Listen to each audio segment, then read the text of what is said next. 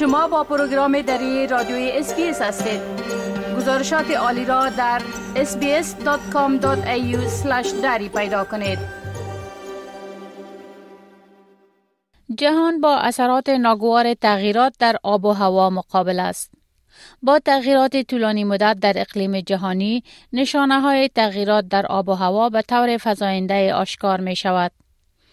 دنیای مدرن ما و نقش ها در این مسئله محرک اصلی تغییرات آب و هوا بوده است. سوختاندن مقدار زیاد زغال سنگ، نفت و گاز از علل عمده این تغییرات در اقلیم شناخته شده.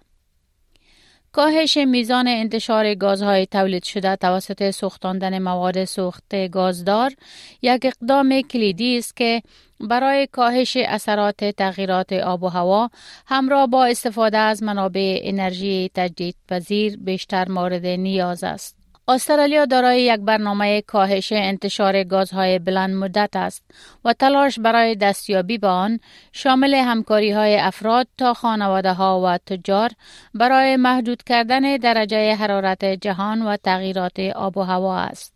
سوختاندن زغال سنگ مقدار زیاد کربن دی و سایر گازها را به هوا آزاد می کند. این امر منجر به گرم شدن درجه حرارت جهان می شود زیرا ایجاد گازها در داخل زمین باعث می شود زمین حرارت بیشتری را از آفتاب جذب کند. تغییرات آب و هوا به معنای چیز بیشتر از گرم شدن درجه حرارت زمین است.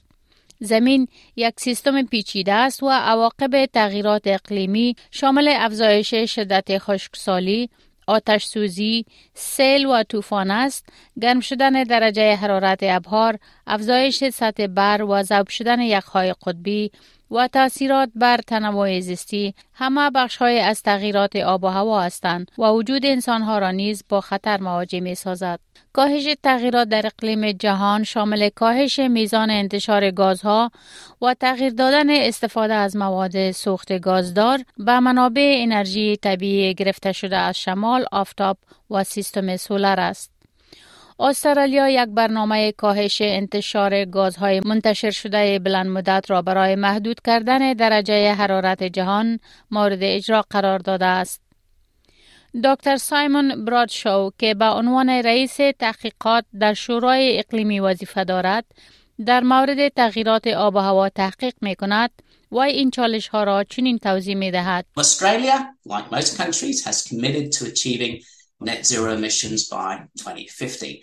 Now that's a lot of change. That means repowering the way we are powering our homes and our industries. So changing the way we produce electricity, getting much more energy from the sun and the wind into our electricity system and very quickly moving beyond fossil fuels entirely. دکتر براد شاو می گوید با آنکه سال 2050 که برای صافسازی هوا به عنوان وقت معین تعیین گردیده است دور به نظر می رسد آنقدر هم دور نیست تلاش برای پاکسازی هوا باید به سرعت صورت گیرد. Now the science is clear that globally we've got to roughly halve those greenhouse gas emissions this decade and get to net zero emissions as soon as possible. So we've got to deal with that urgently if we're to have a safe and prosperous future. And that means getting our greenhouse gas emissions down as fast as we can, which begins with leaving our fossil fuels in the ground. حکومت استرالیا لایحه تغییرات آب و هوا را در سال 2022 معرفی کرد که اهداف کاهش انتشار گازهای مصرف شده استرالیا را مشخص می کند. ارون تانگ که در سیاست آب و هوا با عنوان یک محقق با مرکز مطالعه خطرات اقلیمی در دانشگاه کمبریج کار می کند و استاد دانشگاه ملی استرالیا است این مسئله را توضیح می دهد. Australia's climate change bill aims to reduce emissions by 43% from 2005 levels by 2030 and reach net zero emissions by 2050. Now this is a big picture target. Australia has previously had a bit of trouble maintaining consistent climate policy at the federal level. The climate change bill hopefully provides much needed stability moving forward and is a foundation for even more ambitious action in the future.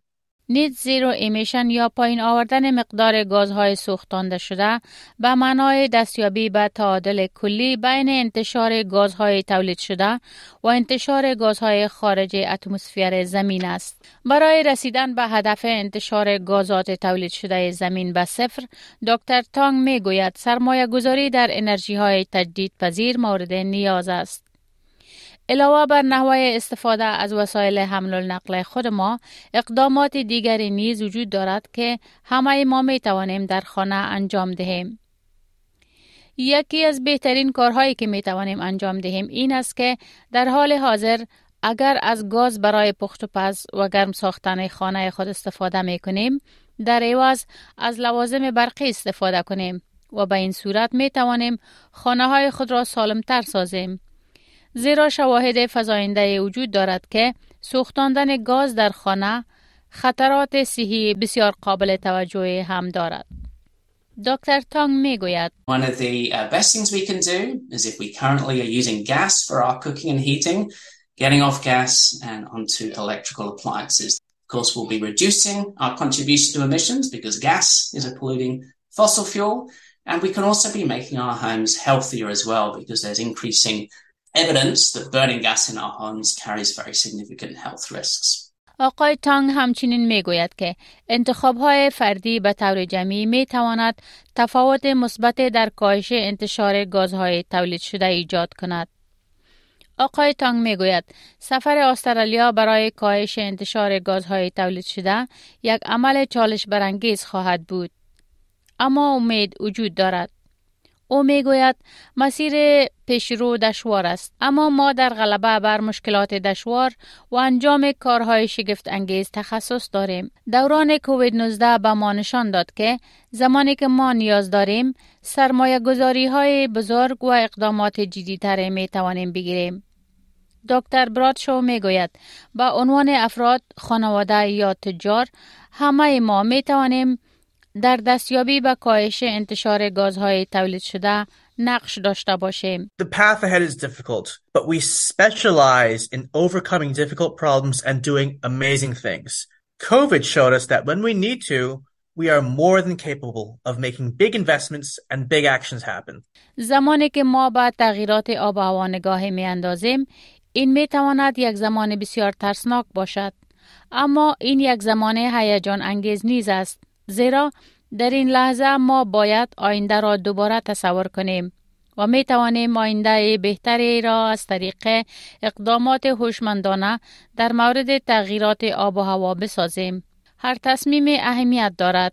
ما با هم در حال ایجاد آینده بهتری برای نسلهای آینده هستیم. بپسندید، شریک سازید و نظر دهید. اسپیس دری را در فیسبوک تعقیب کنید.